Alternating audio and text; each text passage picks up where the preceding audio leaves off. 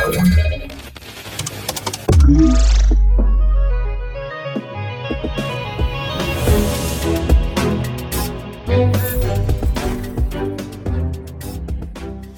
dzień dobry, dni robią się już naprawdę długie. Jesteśmy po 15 maju w końcu, więc czas też na cieplejsze wieczory. A o poranku nawet sprawdziłam dla Was, że jest słonecznie, więc bieganie rano staje się przyjemne. Na dodatek sezon rowerowy jest w pełni. Moja szosa oczywiście nadal chce, by zabrać ją do naprawy, a ja zamiast tego wolę zaprosić Was na 206 odcinek Cyber Cyber Raport. Mamy 19 maja, z tej strony mikrofonu Ewa Matusiak, a imieniny obchodzą dziś Iwona, Iwo i Urban i generalnie, nie wiem czy wiecie, mamy dzisiaj dzień mycia samochodu. Ponadto mamy też 6 y, nowych wiadomości z zakresu cyberbezpieczeństwa, w tym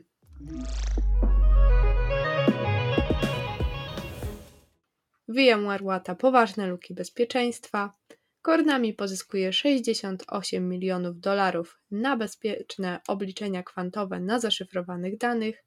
Północno-koreańscy programiści udają amerykańskich freelancerów, aby pomóc swojemu rządowi. Google Cloud chce udostępnić swój ekosystem na zasadach open source.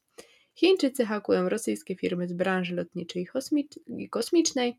Microsoft ostrzega przed atakami typu brute force na serwery Microsoft SQL Server.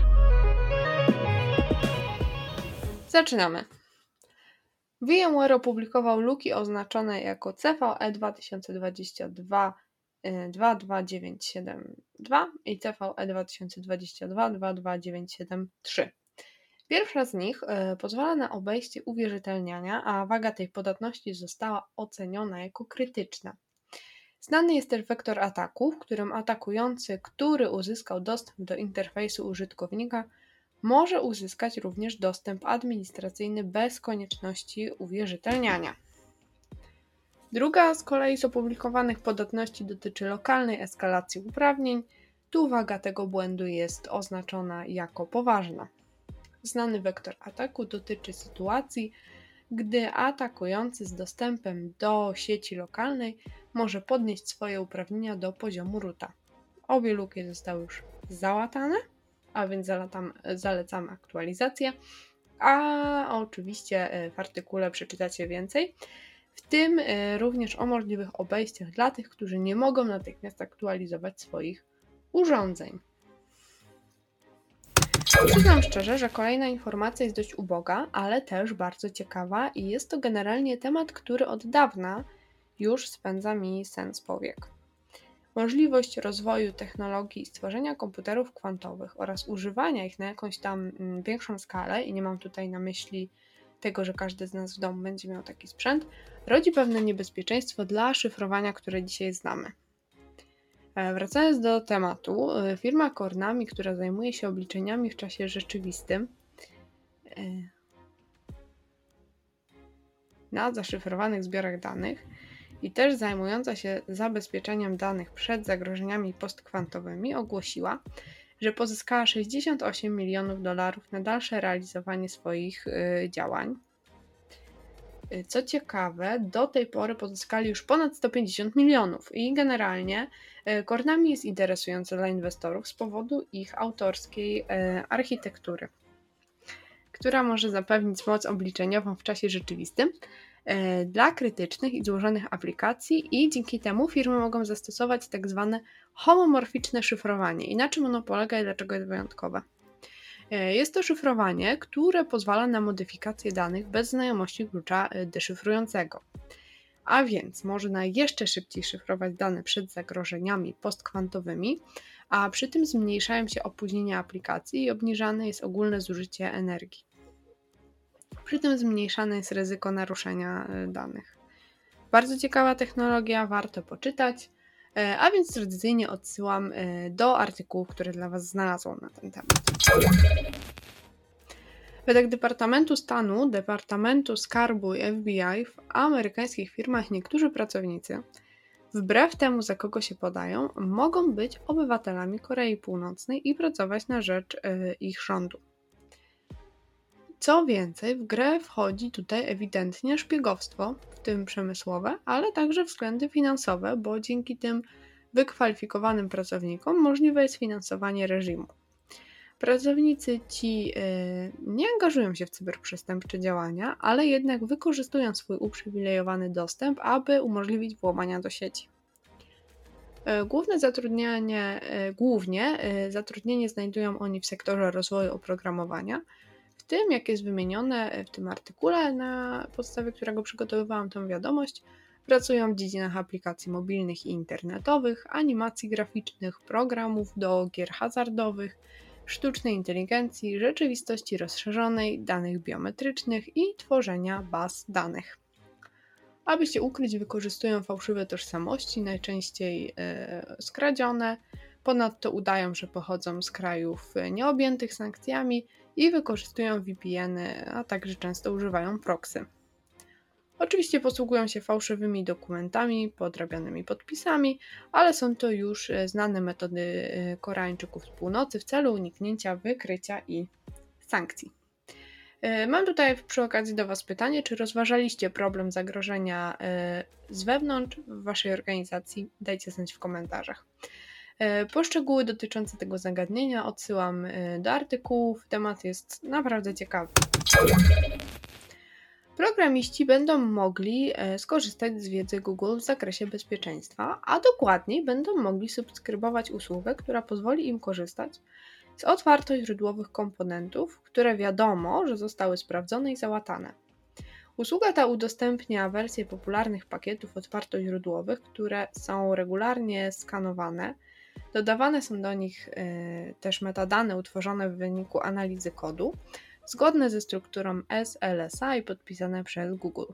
E, Google Cloud zapewnia, że będzie to e, podobne do dystrybucji Linuxa.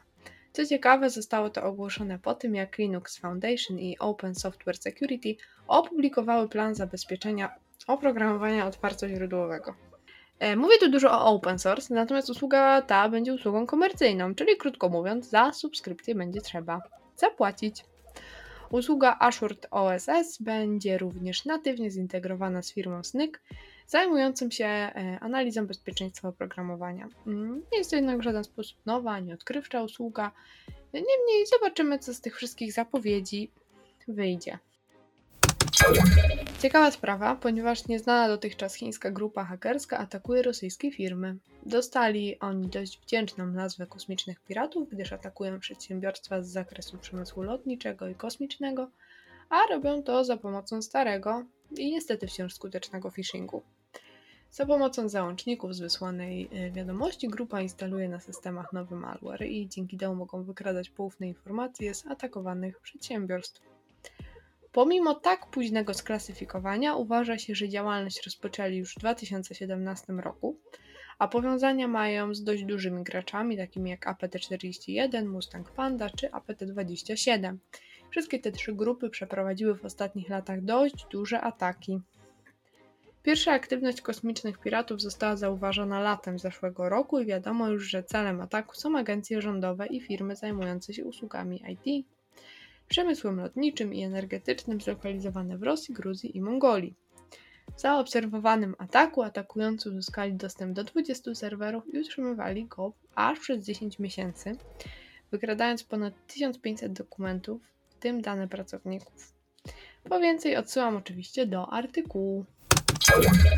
Ostatnia informacja na dzisiaj dotyczy Microsoftu, który ostrzega przed atakami typu brute force, których celem są słabo zabezpieczone serwery baz danych Microsoft SQL Server, a wykorzystywane są a jakże słabe hasła.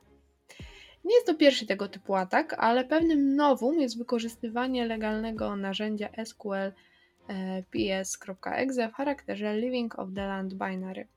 Wywołanie tego narzędzia, będącego tak naprawdę wraperem do wywołania SQL-owych CMDLetów, umożliwia przeprowadzenie rekonesansu oraz zmiany konfiguracji usługi SQL. Możliwe jest też dodanie nowego konta z rolą sysadmina, co pozwala na przejęcie pełnej kontroli nad serwerem.